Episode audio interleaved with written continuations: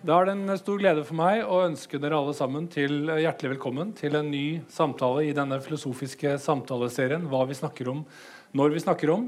Mitt navn er Espen Gamlund. Jeg er professor i filosofi ved Universitetet i Bergen. Uh, og I dag er, snakker vi om intet mindre enn meningen med livet.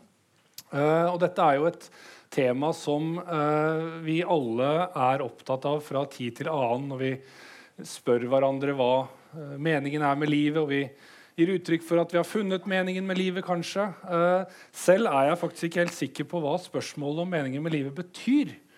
Eh, så Derfor så er jeg veldig glad for å ha med meg to filosofiske medhjelpere som skal hjelpe meg til å bedre forstå spørsmålet om meningen med livet. På min venstre side har jeg Heine Holmen, som er førsteamanuensis i filosofi ved Universitetet i Tromsø.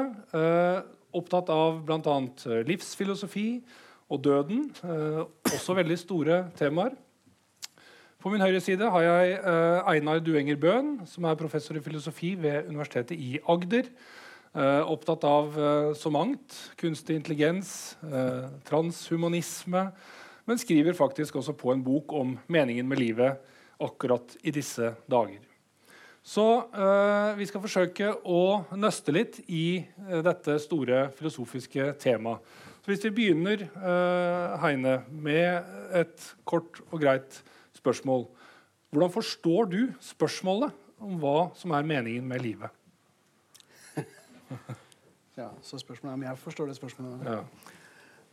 Um, altså For det første så tror jeg du kan forstå det på forskjellige måter. Det er helt avhengig av hvilket perspektiv du vil anlegge. Du kan forstå det på sånn stor sånn, Hva er meningen med alt liv? Hva er meningen med hele universet? Du kan forstå det som hva er meningen med vårt liv? Sånn, måte, hva er meningen med den måten vi lever på i Norge eller i Vesten?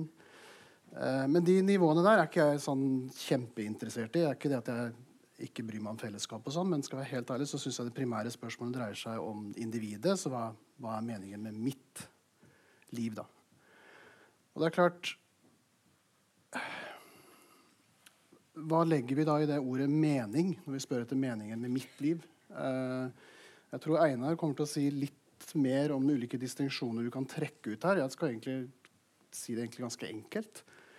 Uh, jeg tror mening dreier seg om å uh, Eller spørsmålet om mening da, dreier seg om hvorvidt livet ditt har, har mening, har meningsfullhet, virker meningsfullt, men samtidig også er meningsfullt nå, det er mulig jeg kan forklare de tingene her litt mer etter hvert, men det, det, er mulig å på en måte oppleve livet som meningsfullt uten at det er det, samtidig som du på en eller annen måte kan leve et relativt meningsfullt liv uten at du opplever det.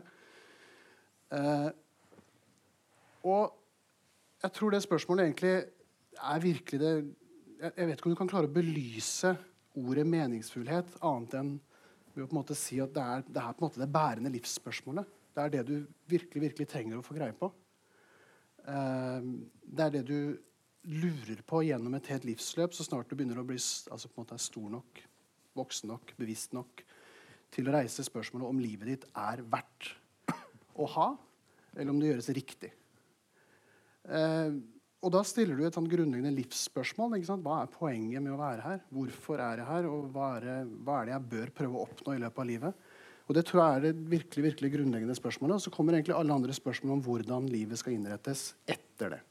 Så det er liksom det der, jeg vet ikke, det er på det grunnleggende livsspørsmålet. Hvorfor jeg, og hvorfor nå, og hvorfor skal jeg fortsette? Mm. Der har du ja. meningsfullhet. Eller meningen med livet. Einar, hva sier du? Nei, jeg kan si dere hva det betyr, jeg.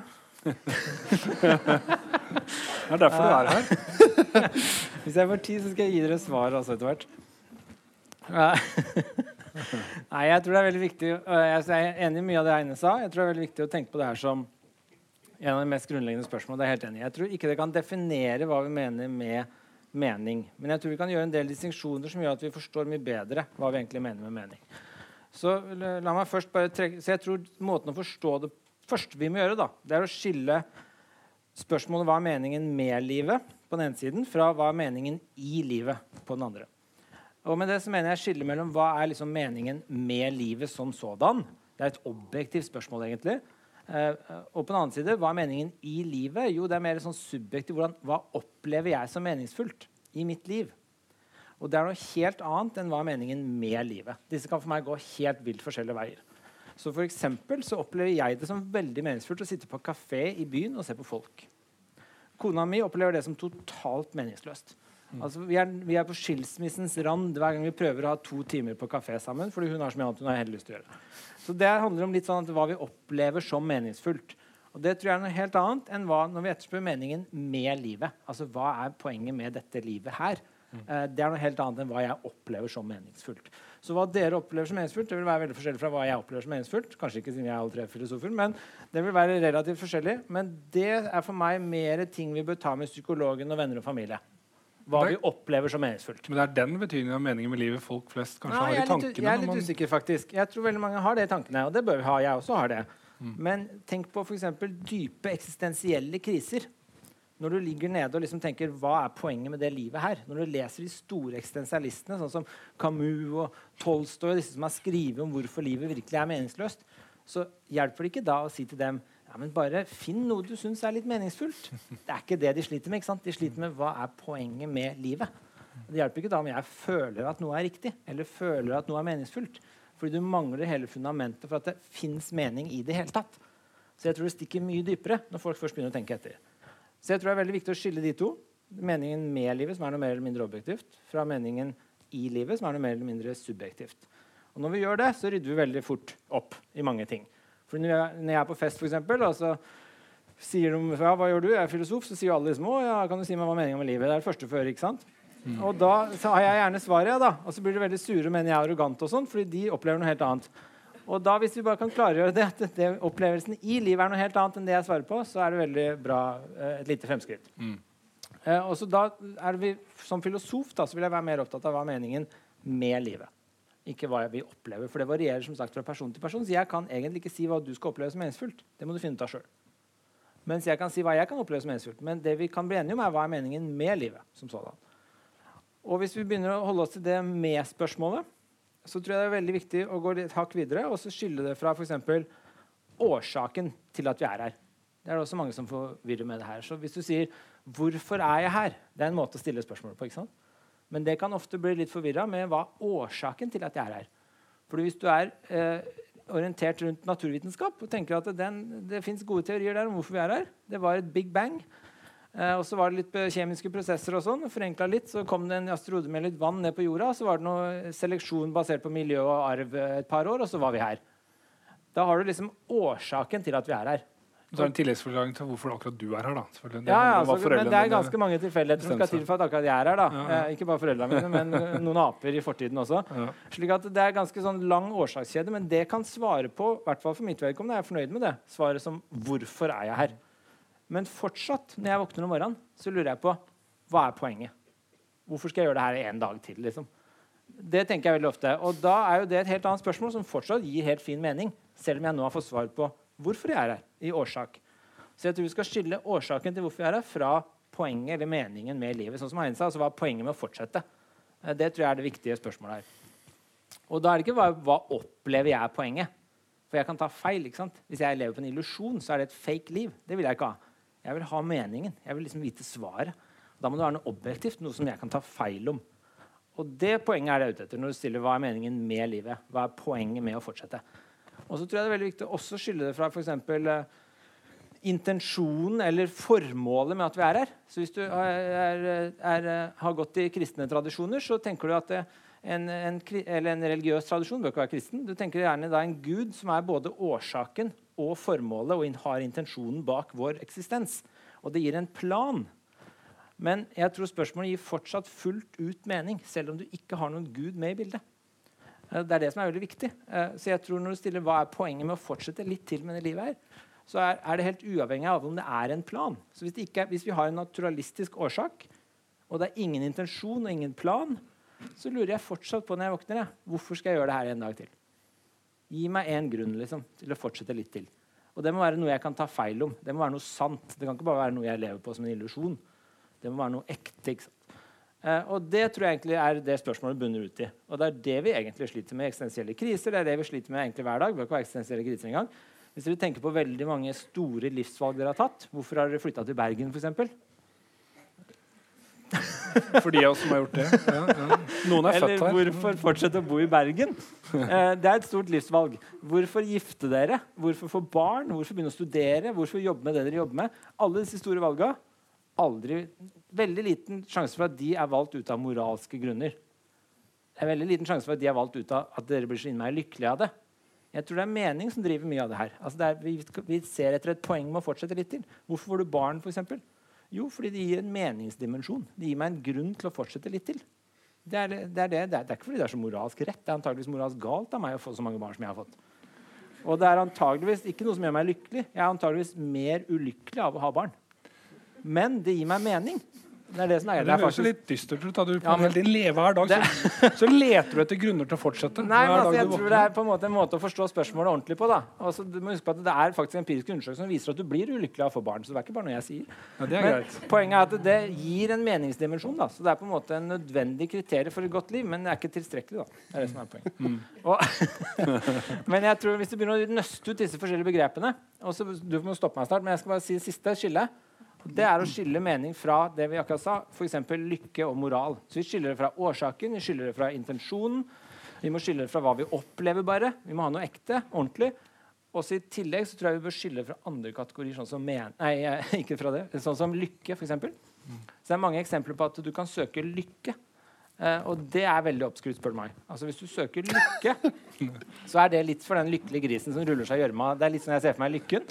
Mens meningsdimensjonen er mye mer noe som bærer livet fremover. Altså Hvis du søker lykke, det er litt sånn lykkelig og dum. Vil du være det, eller vil du være virkelig meningsfull?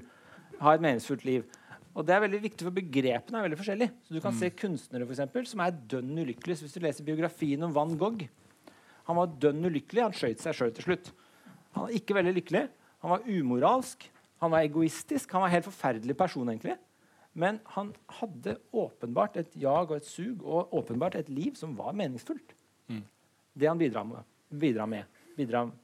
Bidro med. Bed- bidro med. Ja. Slik at det, det jeg tror er veldig viktig å tenke at dette meningsbegrepet er som Heine sa, veldig viktig og grunn, grunnleggende. Og det handler om poenget med å fortsette. Gi oss noen grunner til å fortsette. Men det handler også om at det er noe helt annet enn moral. Det er noe helt annet enn lykke. Og så kan vi snakke mer om det etterpå, men det er noe Ja, helt annet enn disse andre begrepene. Og det er noe annet enn årsaken intensjon. Hvis vi klarer å liksom skille de fra hverandre, ikke rote alt det sammen, så tror jeg vi har mye bedre forståelse av hva som egentlig gir et godt liv. Da. Fordi da kan du tenke at ok, jeg er ikke så jævla lykkelig, men jeg har et veldig meningsfullt liv. Eller jeg er ganske moralsk, men jeg har null mening. altså, du kan, det tror jeg ikke går, faktisk. Det kan vi snakke om etterpå. Men du kan, du kan begynne å se liksom, dimensjonene, og så kan du tenke over hvilke dimensjoner som styrer deg hvor. Jeg tror moral for eksempel, er veldig oppskrutt. Da. Nå har vi fått et eksempel på det filosofer ofte gjør. De avklarer hva begrepet betyr. Og I dette tilfellet så er det antageligvis ganske viktig fordi vi sauser sammen veldig mange forskjellige begreper når vi snakker om meningen med livet. Umiddelbare refleksjoner Heine, om, om eh, Einars måte å håndtere det Jeg skjønner den kona som er på kafé litt. Sånn sitter den hver gang. Altså Lykken er oppskrytt, og du bryr deg ikke om meningsfullhet. Og, ja. Nei, ja. det Nei, altså det, Jeg er enig i de distinksjonene som Einar trekker. Det, er, altså, det han trekker, er jo egentlig sånne begrepslige distinksjoner, og det er fint å trekke dem. Uh, men det er jo mange som er uenig sannsynligvis med Einar om at de er helt til å skille fra hverandre. da. Lykke og mening, f.eks. Det er mange som tenker at det overlapper med hverandre. Mange også som tenker at meningsfullhet har med moral å gjøre. Men det er greit å ha de der på bordet. sånn, bare sånn, Det er mulig å skille dem. Også det vi fokuserer på nå, er da uh, mening. da. Men jeg tror det er viktig også, jeg er helt enig, altså det er, det er begrepene som jeg har skilt fra hverandre nå. Men jeg tror ikke at ekstensjonen, altså det de handler om, jeg tror ikke at det er helt atskilt.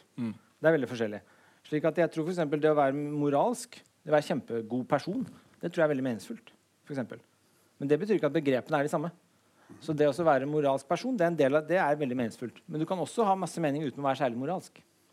Så jeg vil si det sånn som at all moral er meningsfullt, men ikke alt som er meningsfullt, er moralsk. Så du kan skrive for veldig gode romaner som er litt umoralske. Det kjenner vi til i noen av dere har lest noen bøker de siste åra. Så er det noen umoralske romaner, men det berettiges på en måte som et meningsfullt prosjekt fordi det har masse estetiske verdier, for eksempel, selv om det ikke har så mange moralske verdier. Og så kan du veie dette opp mot hverandre. Men så lenge det går i pluss, liksom, så er det et meningsfullt prosjekt du driver med her. Og så kan du oppleve mye mening i det, selvfølgelig, men det kan også være meningsfullt uh, uten at det er moralsk. Men det betyr ikke at det, de er alltid atskilt. sånn at det gjør det noe moralsk, så er det ikke meningsfullt. Jeg tror det er meningsfullt å være moralsk. For eksempel. Det er oppløftende. Men la, la, la, oss stoppe bare opp litt igjen før vi går videre. Hva, for Vi stiller jo dette spørsmålet om hva som er meningen med livet i en filosofisk samtaleserie. Hva er det som gjør dette spørsmålet filosofisk? Og ikke vitenskapelig eller øh, psykologisk eller Heine, hva tenker du? Umiddel, altså Filosofi, det Jeg vet ikke. Nå er, nå, nå er jeg utdanna filosof. da, og Jeg vet at vi sitter med restspørsmålene. Altså Alt det som vitenskapen kan ta seg av, det tar de seg av. Og så mm. går det ut av filosofien og blir borte. Mm. Vi trodde vi hadde grep om bevisstheten. Det har psykologene knabba for lenge siden. De har full kontroll. Språket driver lingvistene og tar nå. Uh, fysikken har knabba alt som er å si om verden. Uh, ikke sant? Så meningen med livet Vi sitter jo igjen med det fordi vitenskapen ikke klarer. Men i det øyeblikket de catcher Ja, ja, vet hva de skal gjøre med det, så, så er det ute av filosofi med en gang. Det er dystert, det. Ja, ja. det var, men, men, enda dystrere om mulig. Ja, men, men, det er veldig meningsfullt.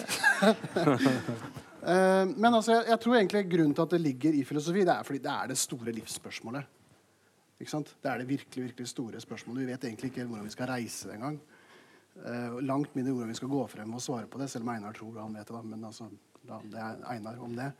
Uh, grunnen til at det er i filosofi, er fordi det er stort. Det er fordi det dreier seg om hvordan vi skal leve livene våre, men det er også fordi det er spekulativt. Filosofi ja, det er spekulativt spørsmål. Det er vårt varemerke. jeg tror det egentlig bare er et filosofisk spørsmål fordi det er et normativt spørsmål. Så hvis det er et normativt spørsmål, så er det for, så vidt jeg kan skjønne, nesten per definisjon ikke et vitenskapelig spørsmål.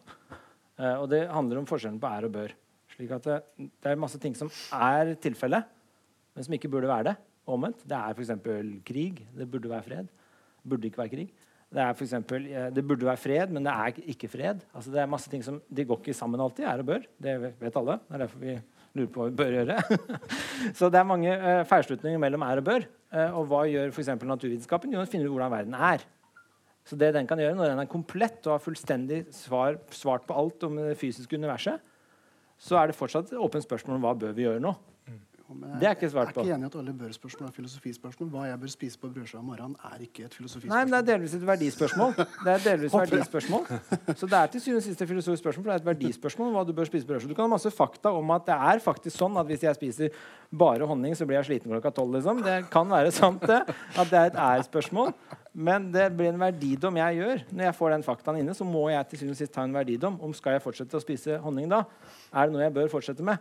Eh, så egentlig er det også et filosofisk spørsmål. Men jeg tror det er derfor Hold deg unna.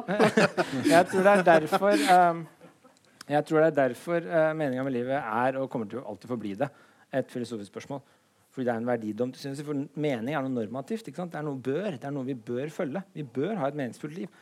Så hvis jeg forteller dere hva meninga med livet er, og det er sant, så er det ikke sånn at dere bør gjøre noe annet.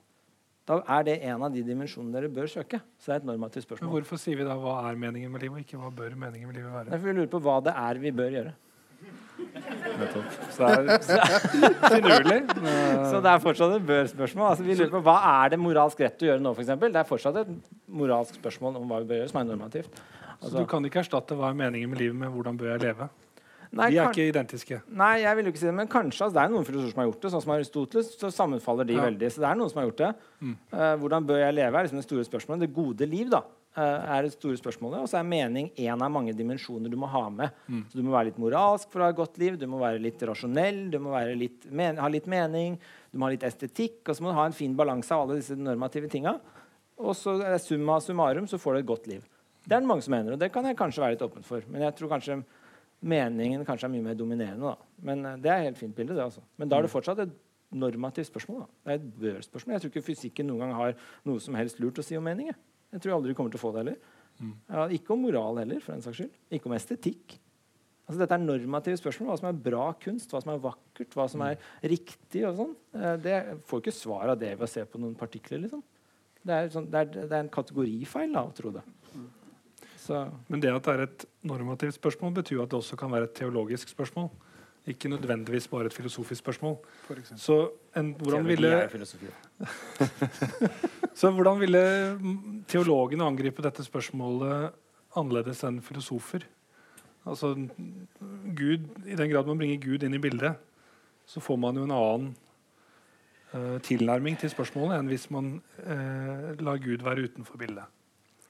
Kan vi trekke opp noen distinksjoner Heine, om, om, ulike måter å nærme seg spørsmålet på?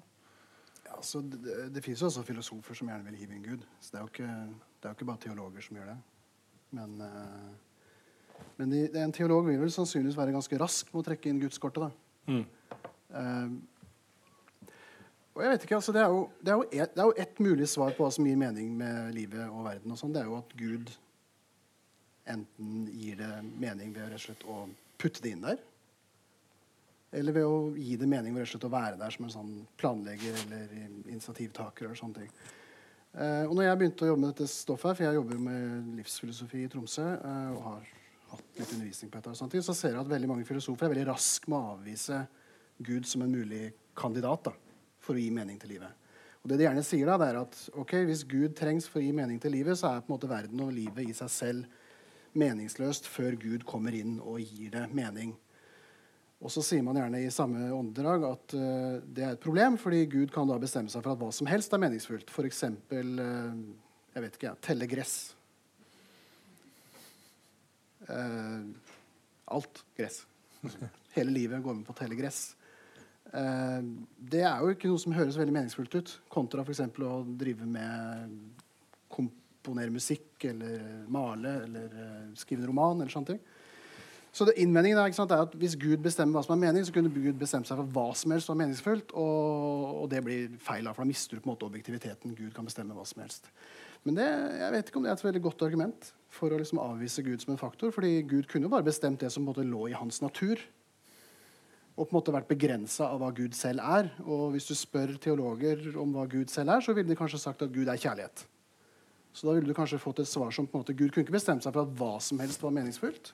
Tellegress kunne ikke selv Gud gjøre meningsfullt, om han så bestemte seg for det. Men det han kunne gjøre meningsfullt, det var det han allerede var, nemlig kjærlighet. For eksempel. så eh, det er ikke umulig at, eh, at, eh, at Gud er en er en faktor, vel, burde være en faktor i livsfilosofi også, ikke bare for teologi. teologi mm. Men du får selvfølgelig det store problemet med å hive Gud inn i potten. og det er selvfølgelig, Da må du jo bevise Guds eksistens, kanskje. Mm. Og så må du ta deg alle disse teologiske problemene, fordi verden er jo så full av ting som ikke har noe med kjærlighet å gjøre. og du, Da må du ta tak i de der eldgamle problemene som mm. har med teologi å gjøre. Da. Men hvis du har lyst til å bryne deg på det, så hvorfor ikke? Mm. Vi skal ikke bevise Guds eksistens, Einar, men uh, Det er fort gjort, det. Men uh, hva tenker du om, uh, om Gud som uh, Jeg tenker at Jeg er den eneste som sliter med den tråden her. Dere ser så behagelig ut. Jeg har tråden overalt hele tiden. Han driver og angriper meg fra alle kanter. det er ja, bare du som sliter. Det er, det, er kjent, det er et veldig kjent problem blant logikere i filosofi. jeg føler jeg trår overalt. Deres er borte. Men nei, jeg tenker at Gud er egentlig en, en helt levende kandidat for hva som er meninga med livet. Så jeg tror Gud kan være Det, det som er fine, fint med en teistisk teori, da, det er at du får både årsaken og intensjonen og hele planen mm. og hvorfor det er godt i en og samme pakke. Liksom. Mm. Eh, så det funker veldig bra. Da eh, slipper du å våkne hver morgen og spørre hvorfor. Ja, egentlig, så, så lenge du følger planen. Men ja. for meg så blir jo det litt sånn uh, i mitt sånn tenåringsanarkistiske evige opprør, så blir jo det da veldig å lyd, adlyde veldig, da. Mm. Det fikser jeg ikke. Så jeg syns det ofte er meningsfullt å bryte ordre og sånn. Eh, så, men det kan vi snakke om senere. Men poenget er at med den gudsplanen så får du en hel pakke som er veldig fin. Så jeg tror det er en kandidat. Men grunnen til at jeg tror den er, så jeg tror Hvis du har en fin gudsteori, da, så kan, så kan det være tilstrekkelig for å ha en fin teori og mening. Men jeg tror ikke det er nødvendig. Så det betyr at jeg tror det er andre pakker, andre alternativer, som også kan være med på å gi en forklaring om et meningsfullt liv som ikke involverer Gud. Og Det er vel der jeg ofte går vekk fra teologer. da, for De tenker ofte at det er nødvendig og tilstrekkelig å ha en Gud med i bildet for et meningsfullt liv. Og jeg tror sånn rent historisk sett at meningen med livet datt litt ut av filosofien sånn innover på, uh, i det 20. århundre, på 1900-tallet, så skyldes det delvis at uh, ateismen kom inn samtidig, og naturvitenskapene lykkes så godt. Og så tenkte man at mening var et religiøst spørsmål, og så forsvant det litt. Mm. Uh, og det var en misforståelse, for det er ikke et religiøst spørsmål. I hvert fall det jeg argumenterer for.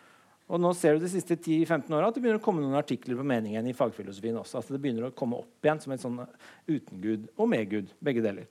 Så det er liksom litt sånn i vinden igjen. Mm.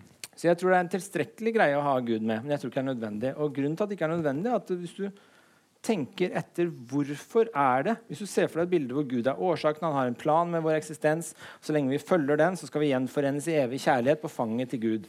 Hvis du følger den planen, eh, så får du et meningsfullt liv. Ikke sant? Eh, og da tror jeg vi kan lure på hvorfor er det et meningsfullt liv? Jo, det er fordi du følger planen ikke sant? og ender opp der du skal. Og noen har sagt at det er en meningsfull Men hvorfor er det meningsfullt å følge den planen og ende opp der du skal? Jo, det må til syvende og sist si fordi det er veldig godt, eller det er veldig bra, eller det er kjærlighet, eller det er noe positivt. Men da kan du bare ta det begrepet og så kan du ta vekk Gud. og så kan du si, ok, så jeg oppfyller det egentlig like så bra med samme begrep uten Gud. Så Gud som sådan kan tas vekk fra denne ligningen og fortsatt få det samme meningen. Men det du ikke får, selvfølgelig, det er jo hvis du er, ikke er tro på Gud, så får du f.eks. ikke evig kjærlighet uh, i ettertid. Det, være, det, er noen sånne, det er selvfølgelig forskjeller. Mm. Men, uh, så jeg tror liksom kan, men det betyr bare at de, de, har en teori som funker. da. Og jeg er ikke kritisk til eller jeg er kritisk til det, men jeg er ikke, liksom noe anti, jeg er ikke militant ateist på noen som helst måte. Uh, men jeg tenker at det er andre teorier som også funker. Og det har vært veldig viktig for meg å fokusere på. At det fins ateistiske varianter. At meninga med livet ikke er et meningsløst spørsmål med mindre du tror på Gud. Det gir mening også uten Gud. Men Gud er en veldig god kandidat for å gi mening. Det er det ikke noe tvil om. Uh, men jeg tror også mange andre ting som vi skal snakke om, kan være gode kandidater. Mm. Uh, det er liksom mitt forhold til Gud. Så jeg tror den er tilstrekkelig, men ikke nødvendig. Mm. Er du enig i det, Heine? Eller vil du fortsatt du insisterte ikke på at Gud var nødvendig, nei, men du nei, sa vel at Gud kunne være en viktig jeg bare synes han, bidragsyter? Jeg syns Gud blir, uh, av filosofen blir fort utelukka ja. som en mulig kandidat uh, med det argumentet jeg nevnte. Uh, men jeg tror vel jeg er helt enig i at jeg kan ikke Eller jeg kan ikke argumentere nå for at det er nødvendig. For Hvis vi skulle gjort det, så måtte vi jo gått gjennom de andre teoriene som da prøver å forklare mening uten Gud først. Og så måtte vi utelukka dem. Og så hadde vi på en måte stått igjen med ja vel, den siste kandidaten er Gud. Eh, hvis vi kommer dit, så vil jeg kunne påstå at den er nødvendig. Men jeg tror ikke vi er helt der ennå. Da må vi gi de andre teoriene en sjanse først. Mm. Og det vil vi jo gjerne. Vi vil jo gjerne ha den billigste teorien. Det er jo et metodisk prinsipp for all god tenkning eller vitenskap eller filosofi. Det er jo å prøve å klare å gi en teori og mening uten å postulere for mye hokus pokus først. Det er klart Hvis du hiver inn masse mystiske ting, så kan du løse alt. tricket er jo å prøve å løse dette her med det vi vet at fins. Og så kan vi eventuelt påstå at det fins noe mer etterpå, hvis vi blir desperate nok. Men jeg tenker på en annen uh, som mange, mange, kanskje vil si er en nødvendig betingelse for at hele tatt spørsmålet om meningen med livet skal, skal gi mening, er jo at vi er endelige vesener. At vi faktisk skal dø en gang. Eh, så døden gir på en måte rammene da, mm. for det livet vi lever, og det vi måtte utforme som meningen med livet. Så hvis jeg sier meningen med livet er at vi skal dø, hva sier du da? okay, så, altså jeg begynte å jobbe med dette her, for jeg fikk eh, ja, Som alle jeg ble, jeg ble, forelder, og da fikk jeg helt krise. Det er den verste krisa jeg har gått med på. Jeg fikk to barn og skjønte på en måte at jeg flytta meg i generasjonshierarkiet. Da har jeg noen som er under meg, som er yngre enn meg, og da er jeg på en måte ett skritt nærmere graven. Da fikk jeg helt krise og tenkte at det jeg driver med, er fullstendig meningsløst. Fordi jeg begynte å tenke på døden. Altså Om 70 år så er ikke jeg her. Om 90 år så er det ingen av oss som er her. Sannsynligvis. Da er vi støv hele gjengen. Eller i hvert fall godt på vei til å bli støv. Og det er jeg vet ikke, det er en ganske edrueliggjørende tanke. Da mm. begynner man å på en måte tenke det du gjør nå da, har det egentlig noe poeng? Er det noe mening med det, så lenge du uansett hva du gjør, uansett hvor bra du blir, uansett hvor god du er, og hvor gode tanker du gjør deg, uansett hvor kjærlig du er Du blir bare støv. Altså Belønningen er den samme for absolutt alle sammen. Um, og Hvis du tenker lenger på dette, her, så vet vi jo Jeg hadde, ja, ja, jeg hadde en veldig veldig interessant samtale med min sønn, som blir fire år neste uke. Um, og han har begynt å få litt sånn krise med det med å dø. Så han liksom spør meg om jeg skal dø, og jeg sier ja. Så spør han når det skal skje, og jeg sier det er lenge til. og så spør uh, selvfølgelig storesøsteren hva skjer med jorda. Og så sier jeg jo det, det, er også lenge til, men på et eller annet tidspunkt så skal sikkert alt bare brenne opp, og sola skal bli stor. Og og det, Storesøsteren takler det ganske fint. Hun har på en måte blitt litt stor, så hun skjønner at det her er faktisk kjempelenge til. hun kommer ikke til å oppleve Men han minstemann han får jo helt katastrofenoia. Alt brenner opp, og når skal det brenne opp? Og sånne ting. Og den reaksjonen der, den er egentlig veldig veldig naturlig på døden. Fordi døden er eh, hvis, hvis vi antar det som de aller, aller fleste burde anta, eller, eller, eller aller fleste antar, eller aner, døden er siste ord. Altså, da, vi har ikke har ikke noen grunn til å tro at det skjer så veldig, veldig mye mer etter den biologiske døden. Så er det et ganske svart bilde å ta inn over seg, og det truer da eh, meningsfullheten med det livet du har nå. Fordi det er et eller annet med på en måte, De tingene du gjør, har hele tiden et slags sånn fremtidsperspektiv. Du bygger ting, du gjør ting fremover. Eh, og hvis du vet og tar inn over det, det dette, at på et eller annet tidspunkt i fremtiden så er rett og slett bare alt vekk. Du tar den der minstemannen min sitt perspektiv, og så ser du at jorda også er vekk. Gitt lang nok tid så er bare alt vekk. Det er ikke et menneske igjen. Det... ja, vi har tenkt Da ble jeg deppa. Da, var tenkt. Og da begynte jeg å jobbe med livsfilosofi og begynte å tenke ok, det her må jeg finne ut av. fordi det må være noen filosofer som har tenkt klokt om dette her og prøvd å finne ut av om livet har mening, selv om vi vet, som vi alle innerst inne vet, at livet ender i Eh, støv. Mm. Mm. Og Det er jo på en måte utfordringen som Einar reiser. Ikke sant? det er litt den samme som utfordringen i forhold til Gud. For Gud kunne gitt deg evig liv og hele den pakka der. Ja. Så spørsmålet er egentlig på en måte i en sekulær tidsalder hvor vi da vet Eller i hvert fall vi har overført religiøs tro til nettopp tro. Det er ikke, det er ikke noe vi, vi, vet ikke at Gud fins lenger. Det er, tro, det er trospørsmål. Og vi vet også at uh, døden er siste ord. Det er, det er, da, da, er det slutt. Kjipt nok. Uh, spørsmålet er liksom, kan man likevel ivareta en idé om at livet er meningsfullt eller gir mening, gitt på en måte det der litt sånn mørke, dystre bildet. da. Mm. Det her dro stemningen ned, det merka jeg med en gang. Men, men sånn, sånn, er det. Einar tenker ikke på døden. Så det Aldri. Så jeg kan dra opp igjen stemningen. Ja, fordi jeg nei, nei, vet Du hva? Du, du har kjøpt en motorsykkel, så dette her Nei, altså, nå blander du Vi må ikke blande Det er, det er en annen ting som er veldig viktig å skylde. Det er midtlivskrisa.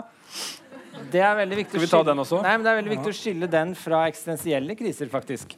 For Midtlivskrise handler om at nå er du halvveis og dørene begynner å lukke seg, og du må forte deg å få til noe før det er for seint. Det er noe helt annet enn å lure på hva er poenget med å fortsette en dag til. Slik at Det er to helt forskjellige kriser da, som oppstår. Så når jeg kjøpte meg motorsykkel, så begynte alle å le av det var midtlivskrise. og sånn, Selv om jeg ikke var halvveis engang i livet. Men poenget er at det er noe helt annet. Eh, så det vil jeg ikke blande inn med mening. egentlig. Men jeg tror døden også er litt uh, i forhold til mening. For veldig mange tenker at livet er meningsløst fordi vi skal dø. Litt sånn som Heine hinta mot. ikke sant? At det blir helt svart, og da er det tomt. Hva er poenget da? Tolstoy skriver veldig mye om det her i 'Confessions', eller i skriftemål, heter den norske oversettelsen. Hvor Han skriver han fikk krise i 50-åra, hvor han innså at han bare skulle bli til markemat i jorda. Og alt han hadde skrevet og drev med og kjøpte ny eiendom og fikk flere unger, som var helt meningsløst, for han skulle bare slutte likevel å dø og bli spist av mark. Så han klarte ikke å gjøre noe med å miste motivasjonen. Og Det er veldig sånn kjent greie da, at du får eksistensielle kriser når du tenker på døden. og når du tar det innover deg, For alle vet de skal dø, men det er noe helt annet å ta det innover deg og, og, skjønne eller erkjenne at akkurat du skal faktisk dø. Det er noe helt annet. Det klarer du bare å holde på i glimt. egentlig. Mm. Du klarer ikke å liksom holde det gående veldig lenge. for da, da går du under. Så, det, så, den erkjennelsen der leder ofte til eksistensielle kriser. Men det tror jeg er litt sånn misforstått. så Hvis folk bare hadde skjønt, lest boka mi, så hadde de skjønt hvorfor det her ikke egentlig er en god grunn da, til en sånn krise. fordi hvis du lurer på hva er poenget med å fortsette litt til, og så tenker du deg ok, hjelper det egentlig om jeg ikke dør? Altså, hjelper, Får jeg noen større grunn til å stå opp om morgenen bare fordi jeg skal leve evig? Og det er ikke sikkert. Altså Hvis det livet er dritkjedelig, da, hvis det ikke er noen ting du kan gjøre nytt, du skal bare gjenta samme dagen om og om igjen, mm. da blir det helt meningsløst. Bare ved at det pågår lenger. Det blir ikke noe mer meningsfullt å gjøre det lenger. Tvert imot, det blir verre. Mm. Slik at det, det at du skal dø tror jeg er ganske viktig for å sette en grense for at du faktisk klarer å oppnå noe. Og for at du blir motivert, og for at du klarer å gjøre noe. Så det er veldig viktig å ikke skille eller det er veldig viktig å skille det uendelig endelig på den ene siden fra liksom meningsfullt, ikke meningsfullt på den andre. Mm. Jeg tror Du kan finne veldig mye mening i å stå opp når det er en begrensa tidsperiode. Og mange som, sier, som har fått kreft for eksempel, og skal dø, de sier at de siste dagene var det mest meningsfulle i hele sitt liv. når de visste de skulle dø. Så det er noe helt motsatt. egentlig. Du får mer mening ut av å vite at nå er det slutt, enn å bare sitte og se enda en Netflix-episode. liksom. Eller scrolle Facebook og sånn. Slik at det, det, tror jeg døden egentlig er veldig viktig for at du skal kunne oppleve mening. Mm. Men det er ikke dermed sagt at hvis du lever evig, så blir livet meningsløst. Det tror jeg heller ikke er sant. Det kan være meningsfullt å leve evig òg, uh, hvis det er litt variasjon. Hvis du går gjennom faser, hvis det er progresjon, hvis det er forandring. Men det blir umulig å dø Hvis det er evig liv. Du Ja, men hvis det er evig liv, og det er helt umulig å dø, så vil jeg foretrekke det kanskje fremfor å dø, hvis jeg vet at det hele tiden er muligheter for forandringer. Hvis det stagnerer, hvis det blir statisk, da vil jeg heller dø. Men hvis, for da blir det dritkjedelig etter hvert. ikke sant? Du bare sitter og gjør det samme hele tiden. Men hvis du kan ha variasjon, hvis det kan være faser du går gjennom Så jeg går fra en kroppslig fase til en ikke-kroppslig fase, og så går jeg over til en shropslig fase, som er en tredje fase, og så går jeg over i en ikke-shropslig, som er en fjerde. Altså Hvis det er nye faser hele tiden, så venter jeg hele tiden på noe nytt. Og hvis jeg vet at jeg aldri skal dø, men jeg for aldri vet hva som er rundt neste sving, så vil det være like spennende hver gang. Det er liksom gullfisken runden rundt i glassburet, og så er du like fornøyd i glassbollen og har glemt hva som var forrige runde. Hvis det er litt sånn, da, så tror jeg du kan eh, ha ganske mening, og det kan fortsatt være et poeng med å stå opp. Selv om du skal dø. Eller om du ikke skal dø. Jeg tror det er helt uavhengig spørsmål. da. Om du skal dø, ikke dø, evig, ue, evig uh, Uendelig. Uendelig, endelig liv. Altså, jeg tror det er helt sånn distinksjoner som går på tvers. da. da. Uh, så det er viktig å skille kvantitet og kvalitet. kanskje. Altså, du kan få en kvalitativ mening ut av en kort kvantitet. Da. Jeg tror det er det som er liksom. Mm. Og det, jeg tror det er nesten mer motiverende Uh, at, å vite at det tar slutt. Ellers hadde jeg jo utsatt en del ting, for å si det pent. Ja, altså døden, Vissheten om døden tvinger oss til å prioritere Ja. sant? innenfor rammen av det Ja. livet vi vet vi har til disposisjon. Ja, men det gjør noe mer også, fordi det, du tvinger deg til å prioritere, men du vet også at det du Altså, det er begrenset Altså, vi lever i 70-80-90 år. 100, hvis du er skikkelig heldig. Um, det er begrensa hvor mange familier du kan starte. Det er begrensa hvor mange barn du kan ha. Altså, Einar har tre, jeg har to. Eh, ikke sant? Folk hadde tolv i gamle dager. Men du får ikke 50. Du får ikke 70. Ikke sant? Så de barna du får i løpet av livet fins livet menn som har over Jo, jo, jeg veit det. Jeg vet det. Det er ikke, Men, men, ikke familier. Men, men, men de illustrerer egentlig poenget. De illustrerer poenget Fordi de mennene som får 50-60-70 barn, de er liksom ikke like begeistra opptatt av nummer 49 som de var av første og andre og tredje. Så ikke sant? På en måte Intensiteten og gleden og meningsfullheten, da, som Einar ikke snakker så veldig mye om, altså den opplevelsen av meningsfullhet, den blir kjempeintens nettopp fordi livet er såpass kort som det er. Du vet at du har et par-tre sjanser. Prøv deg på et par livsvarige forhold. Eh, eller prøv deg på liksom langvarige forhold.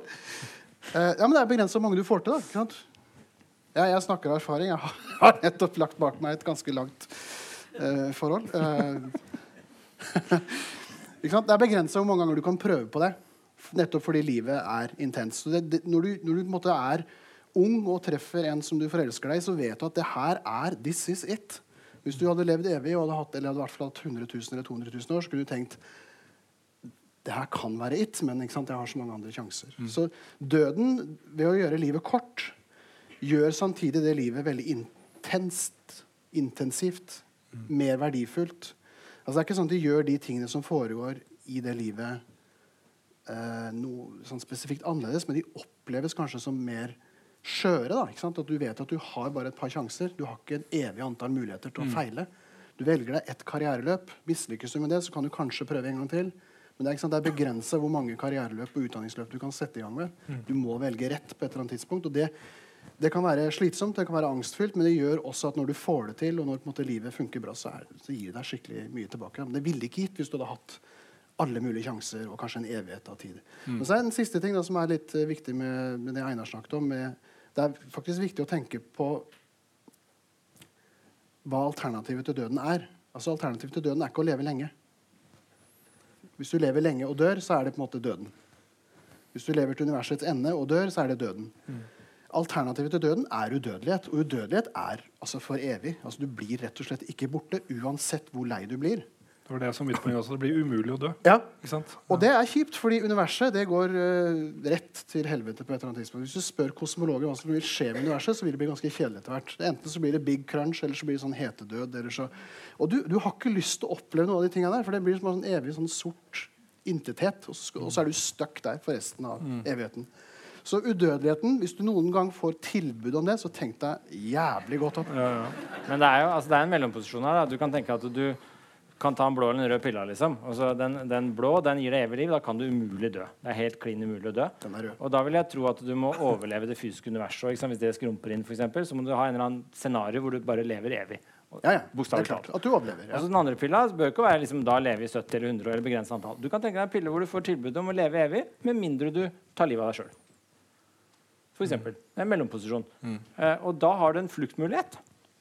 Og da er det et helt annet, mye mer fristende enn eksempel å bare si 'jeg vil ha 1000 år'. Det er klart. For da kan du, Tenk deg en timeout-knapp. for eksempel. Det hadde vært genialt. Altså du har sånn der, Nå tar jeg en timeout på 200 år. Nå orker jeg ikke mer. Så bare fort, så venter jeg 200 år for å se hva som skjer da. Tornerose-knappen. Ja, ikke sant? Så nå begynner krigen. Nå bare setter jeg på pause inntil videre. Eh, det, da har du fluktmuligheter, og da kan du oppleve en helt annen type mening og en helt annen situasjon. Da, da får du en helt annen holdning til eh, relevansen for døden. enn om du, og, hvis, og du kan også tenke at Hvis du trykka på knappen, så da var det permanent slutt. Så du kunne ikke tulletrykke. Du måtte liksom trykke en gang, da var det slutt. Da blir den knappen veldig alvorlig for deg. Da blir den som døden vår. Men du får hele tiden mulighet til å leve lenger med mindre du trykker på den. Det er et mer sånn drømmescenario for meg da, enn en det der evig hvor du ikke har muligheten til å dø, og den der du må dø på et tidspunkt. Um, men i alle disse tre tilfellene så tror jeg du kan finne mening i et scenario hvor hvis det er noe progresjon, hvis det er noe forandring, hvis det er noe uventa, så kan du oppleve mening. Nå sitter jeg og venter egentlig på svaret på hva som er meningen med livet. Eh, og da er det jo sånn at eh, Einar sitter og pønsker på dette i disse dager. Eh, så du må gi oss en smakebit da, på hva er det du har kommet fram til så langt.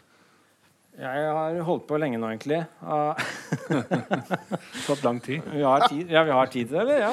ja, vi må til. servere teorien din. Nei, altså, jeg, jeg har leita lenge. Uh, og jeg tror leita Jeg tror veldig mange, inkludert meg selv, veldig lenge leita på helt feil sted. Så eh, jeg tror svaret er mye enklere enn vi tror. Og det, det at det var så enkelt, det var en eh, lettelse for meg, egentlig. For jeg tror vi ofte leiter liksom i det uendelige. For eksempel. vi leiter etter noe en, uendelig, noe veldig stort, noe metafysisk tungt. Vi leiter etter noe som liksom Gud eller noe lignende liksom, som skal gi oss meningen. Men jeg tror egentlig eh, skuffende nok, da, etter ti år og lang utdanning og masse studiegjeld, så endte jeg opp med liksom, konklusjonen jeg egentlig hadde til å begynne med.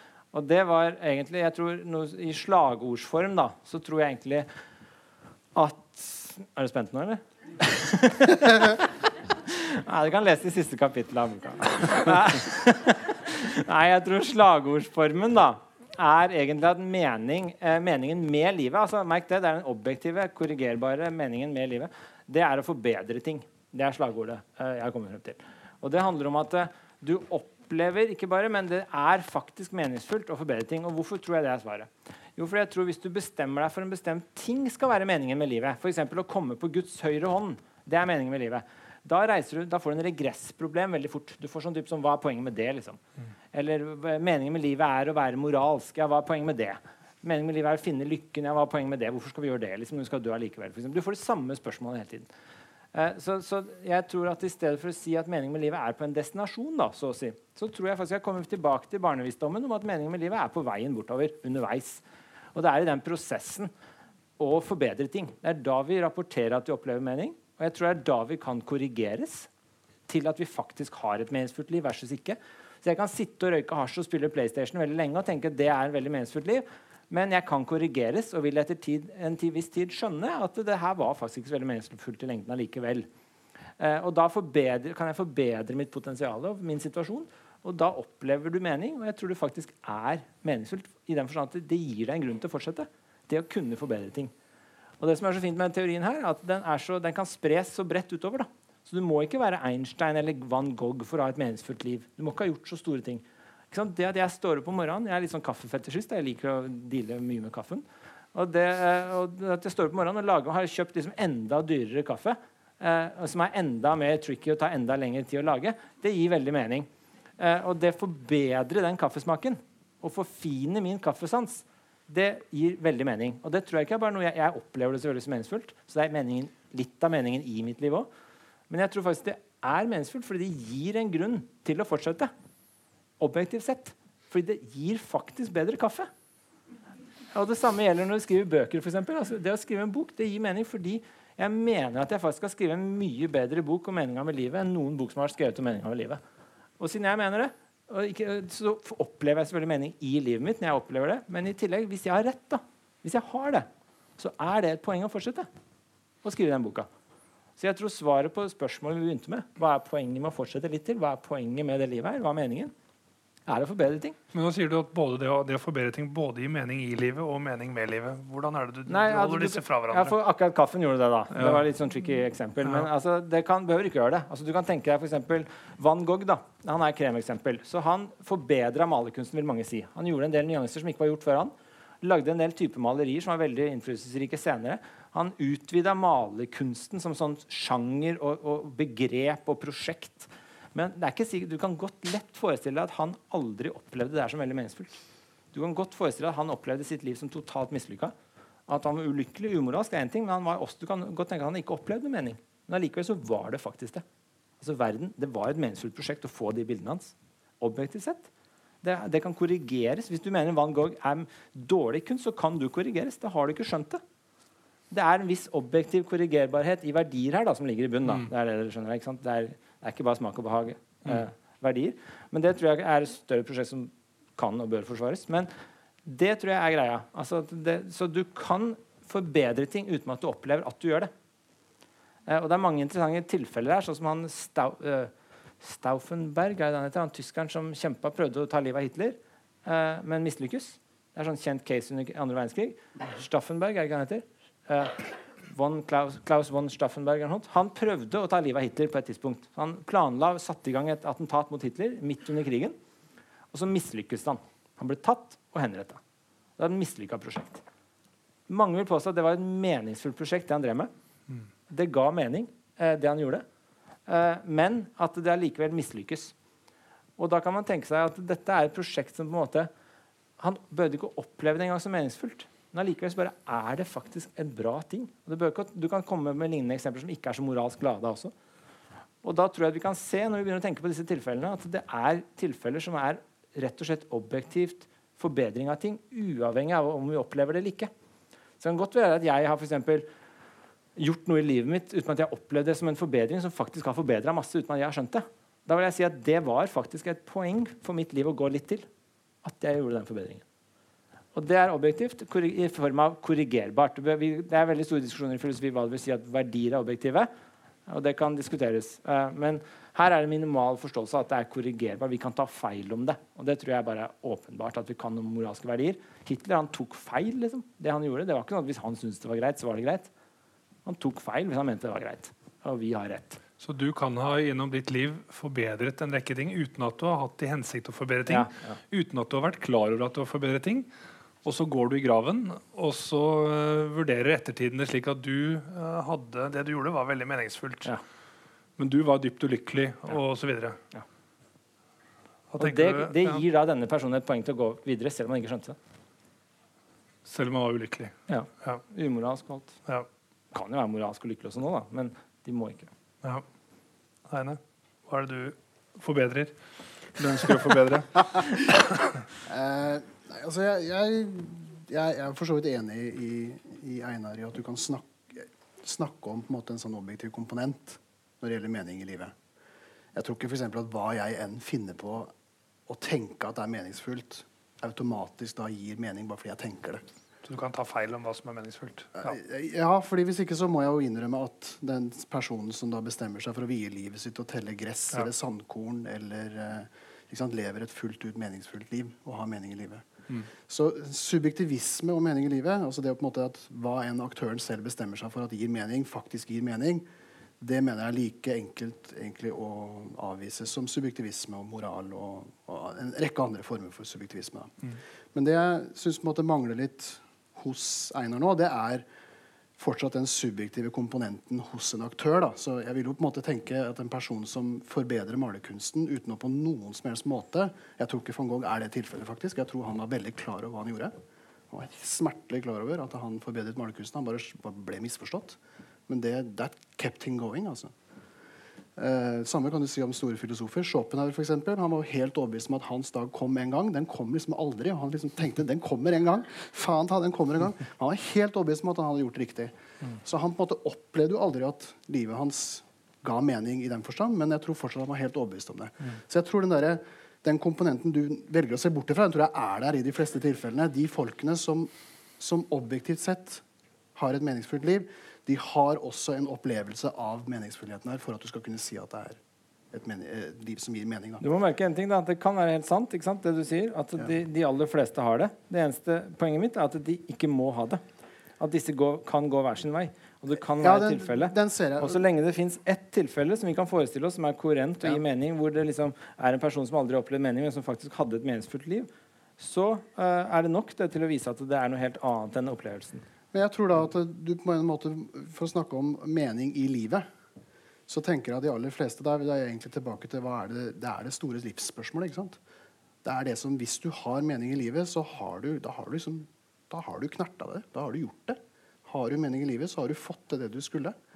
Og jeg vil si at Den personen som da du tenker deg har objektivt sett forbedret malerkunsten, men som går der og tenker at det er mislykka, den har egentlig ikke oppnådd det. Den har ikke fått til det, det store livsgåten, det store livsmysteriet. Men den personen som både har det, men samtidig også opplever det som meningsfullt, den vil ha gjort det. Den vil ha mening ja, jeg tror du blander et par ting her nå. Du blander det med at du, du liksom uh, sammenligner to liv. ikke sant? En som bare har gjort noe meningsfullt, men ikke har opplevd det, med en som har gjort noe meningsfullt og opplevd det. Så tenker du hva er best. Selvfølgelig er den her best. da. Du har to mot én. Liksom. Det er bra. Men eh, det betyr bare at det, du må summere opp. Altså, er, du har en som har gjort noe meningsfullt, og så har en som har gjort noe meningsfullt, men den ene har vært litt mer moralsk. Selvfølgelig er det her bedre. Han drikker litt bedre øl. alt i alt. Alt annet er likt. Han drikker litt bedre øl i livet. Selvfølgelig er det her bedre liv da. Så du oppsummerer sånn. ikke sant? Det er greit. Men poenget mitt er bare at disse begrepene går hver sin vei. De må ikke henge sammen. Og når du kan sammenligne for et annet type liv, Du kan tenke deg en person som har eh, gjort noe som er veldig meningsfullt, men hun har aldri opplevd det. på den ene siden.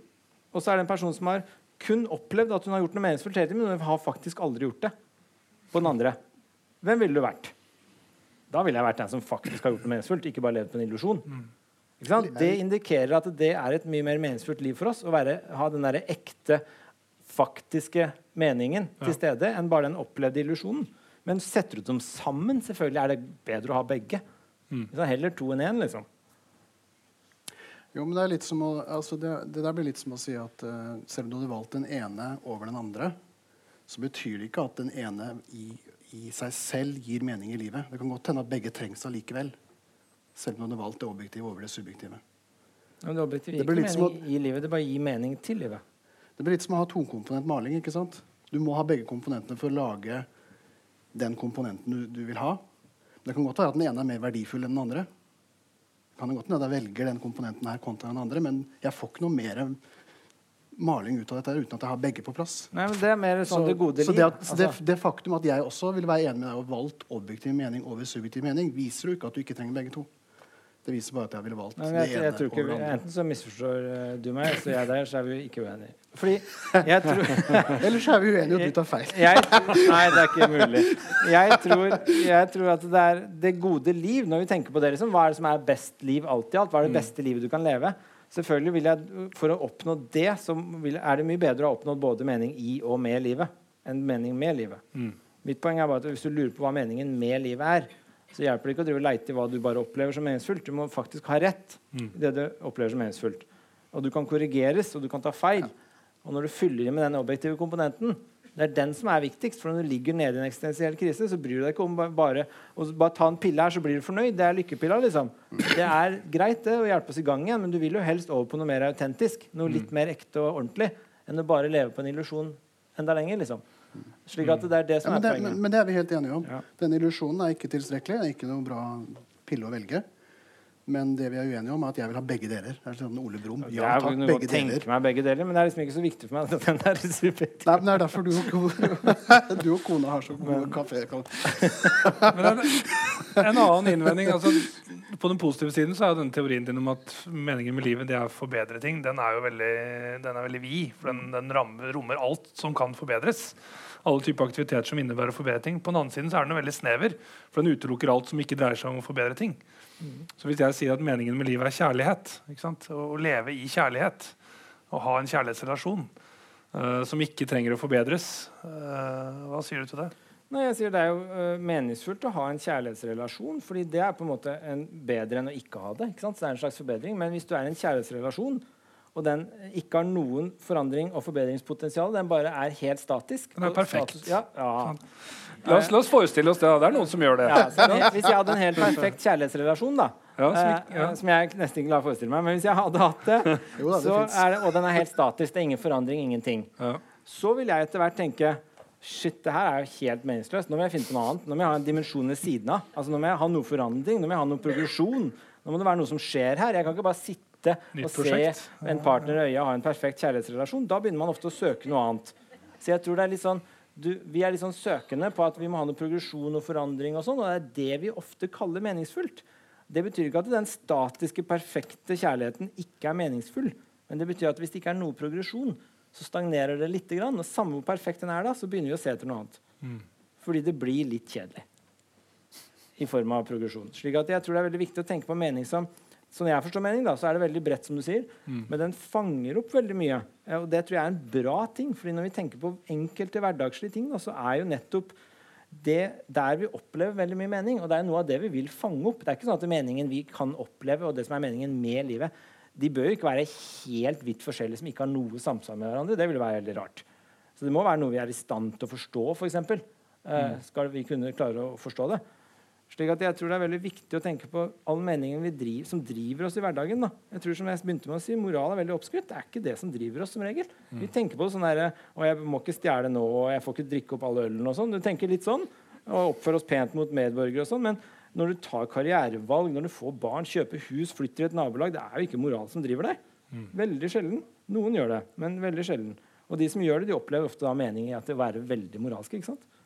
Så det er igjen hele tiden at vi drives av dette her i hverdagen. Fra liksom å oppdra våre barn til liksom å ta karrierevalg, så er det mening som driver oss. Så jeg tror det er veldig viktig at den teorien som skal si noe lurt om mening, da, at den faktisk fanger opp det vi ofte ser på som meningsfullt. Mm. Og da må den være bred. Hvis vi bare, det er En av feilene jeg begynte med, jeg begynte å studere det, var jo nettopp at jeg tenkte sånn Å, det må være Gud, eller så må jeg være Einstein og gjøre de største oppdagelsene og forandre hele verden. Og så tenkte jeg da er det ingen av oss som har meningsfulle liv. da. Eh, og det er jo veldig rart, det også, fordi mange av oss opplever mening. Så det bør jo bare ha noe samsvar med det vi opplever som meningsfullt. Selv om det er to forskjellige begreper. som dere ikke må glemme. Så, er det da, så jeg tror det er veldig viktig at den er bred. da. Og litt sånn triviell, egentlig. Det var en lettelse for meg å, å egentlig komme frem til en triviell løsning. Mm. Fordi det ga egentlig svaret. Ja. Noen flere innvendinger, Heine? Eller er du Jeg har et siste, et siste ord, og det er rett og slett altså, jeg, jeg er litt usikker på det med at det hele tiden skal liksom drives fremover med ikke sant, fremskritt og, og gjøre forbedringer og sånne ting. Fordi eh, og, jeg, og her er jeg usikker på om det her er en god test. Altså, eh, men jeg, jeg tror ikke folk altså det er, det, med døden tenker jeg at er en test. Hvordan du forholder deg til døden, forteller litt om om du på en måte har oppnådd et liv med mening eller ikke. Så når døden kommer, eh, og det gjør jo på et eller annet tidspunkt, er du på en måte ikke fornøyd med at den kommer, men er du på en måte litt mer sånn eh, på godfot med den? Det, det bestemmes litt av hvorvidt du har hatt et meningsfullt liv eller ikke. Og det jeg tror mange ville sagt da, det er eksempel at jo, det, det faktum at jeg fikk lov til å leve et liv hvor jeg elsket og ble elsket tilbake, det tror jeg eh, i langt flere tilfeller vil være et svar hos folk enn det at de sier at jeg fikk forbedret eggekokeren eller Ja, men jeg tror litt, jeg tror det er litt oppskutt. Er- og, nei, vent litt. Fordi jeg tror, jeg tror de fremskrittene de er viktige as you go. Og de, gjør på en måte, de bidrar til en meningsfull og sånne ting. Men jeg tror ikke du sitter på det dødsleiet og tenker kjærlighetslivet det var det som ga mening fordi vi hele tiden forbedret oss. Jeg tror egentlig du på en måte bare tenker det var bra. Bra nok Ja, fordi det var bra. til at vi ikke drev og forbedret Jeg oss. tror det er, du må huske på at det er fordi det er bra. Det er for enkelt å si at meningen med livet er kjærlighet eller å få barn. Det er det jeg veldig ofte hører. Meningen med livet er å få barn eller få kjærlighet. Og det er, ganske, det er for enkelt, fordi det er veldig mange som ikke opplever så mye kjærlighet, som har andre prosjekter som de opplever som veldig meningsfulle. Ja. Det er ikke sikkert Van Gogh opplevde mye kjærlighet i det hele tatt. Nei, Men, men han opplevde kanskje livet sitt som meningsfullt. Men jeg sier ikke at det er det eneste som kan være svaret på Nei, men så det er veldig sånn at det er veldig viktig at dette er Ofte er det bra nok, og enkle ting kan være bra nok og gi mening. Men det er ikke nok å bare ha én ting som på en måte Dette er det, og så tror vi at alle skal oppfylle den formelen, og så er alle meningsfulle liv. Det er ikke sånn det funker. Begrepet mening er mye mer dynamisk. Og sånn som at man skal tenke seg fornøyd med å dø. Da har du opplevd mening. Når jeg flydde til Bergen nå, så var jeg, jeg tror jeg skal dø hver gang jeg flyr. Hver gang noen lukker den døra, så er jeg helt overbevist om at jeg skal dø. Og da tenker jeg sånn Er jeg fornøyd med å dø nå, liksom? tenker jeg hver gang. Og når jeg flyttet til Bergen, jeg var ikke fornøyd i det hele tatt, for jeg har ikke fått levert boka mi. Så jeg har ikke fått sendt av gårde manus til forlaget. Så hvis jeg dør nå, så er det krise, for da kommer ikke den boka ut. Og da er jo ikke jeg fornøyd med å dø nå, men jeg føler at jeg lever et ganske meningsfullt liv. Jo, jo, jo, nei, det, jeg sier ikke at du på ethvert tidspunkt eh, blir kjempefornøyd med å dø. Men jeg tror de som på en måte sitter på Det høres veldig rart ut. ja. Men jeg tror, altså det, er, det er et eller annet med at hvis jeg kommer til dødsleiet og tenker har jeg kasta bort livet eller ikke, hvilke ting er det som kunne avgjort om jeg kasta bort livet eller ikke? Og en av de tingene ville være om jeg har levd et kjærlighetsløst liv eller ikke. Men det er ikke den eneste tingen. Altså, jeg er ikke sånn som deg og tenker at jeg har en, ett svar på hva som er meningen med livet. Jeg tror meningen med livet Vent litt, nå er det min tur. meningen med livet tror jeg kan ha flere svar. Du har funnet på en måte ett ord, og det er fremskritt eller uh, forbedring. Jeg tror ikke det fanger inn alt. For jeg Hva- tror det er en rekke, rekke Hva er det som ikke fanger inn? Nei, altså For eksempel kjærlighet er ikke forbedring. Kjærlighet er bare bra, det. Ja, men Det er en forbedring å ha en bra verdi i livet ditt. Det er, en kjær det er en forbedring å gå inn i kjærlighet fra å ikke ha det. Men hvis du først er der, så Nei, Det er altfor enkelt. Altså, du må huske på at forbedring, forbedring sånn jeg tenker på det, er på Faktisk, måte det er jævlig vanskelig. Eh, Forbedring er på en måte eh, Også det å hindre frafall, eh, forfall for eksempel, er en forbe slags forbedring. Så forbedring er på en måte alt som går i null eller pluss. da. Så holder de null eller pluss så lenge de ikke begynner å forfalle. Så kan du tenke på Det som. Det gir en viss grad av mening. Og det er en gradsforskjell. ikke sant? Noe gir mye mer mening. Sånn som kaffen gir jo ikke full mening i livet mitt. Men den gir litt. Og så er det andre ting som gir mer mening, sånn som boka. For eksempel. den gir mer mening, Og barna kanskje litt. Så, at, så det er liksom hele tiden en gradsforskjell. da, Og så må du veie det opp, tror jeg, alt i alt. Og så da prøve å fange opp det som er positivt. da. Denne samtalen har vært eh, meningsfull. Eh, om den var bra nok, eller om den har forbedringspotensial, det får uh, Jeg tror at Hvis folk går hjem og eh, tenker liksom, jeg fikk noe ut av det her, det var en forbedring, jeg, det var bedre at jeg var der enn jeg ikke var der, i den grad så tenker de det var meningsfullt. så, Takk uansett til Heine Holmen, Einar Duinge Bøen. Takk til dere. Og så skal jeg minne om at neste samtale er 7. mars. Da kommer Torbjørn Tensje og samtale med Henrik Syse om moral. Takk for i kveld.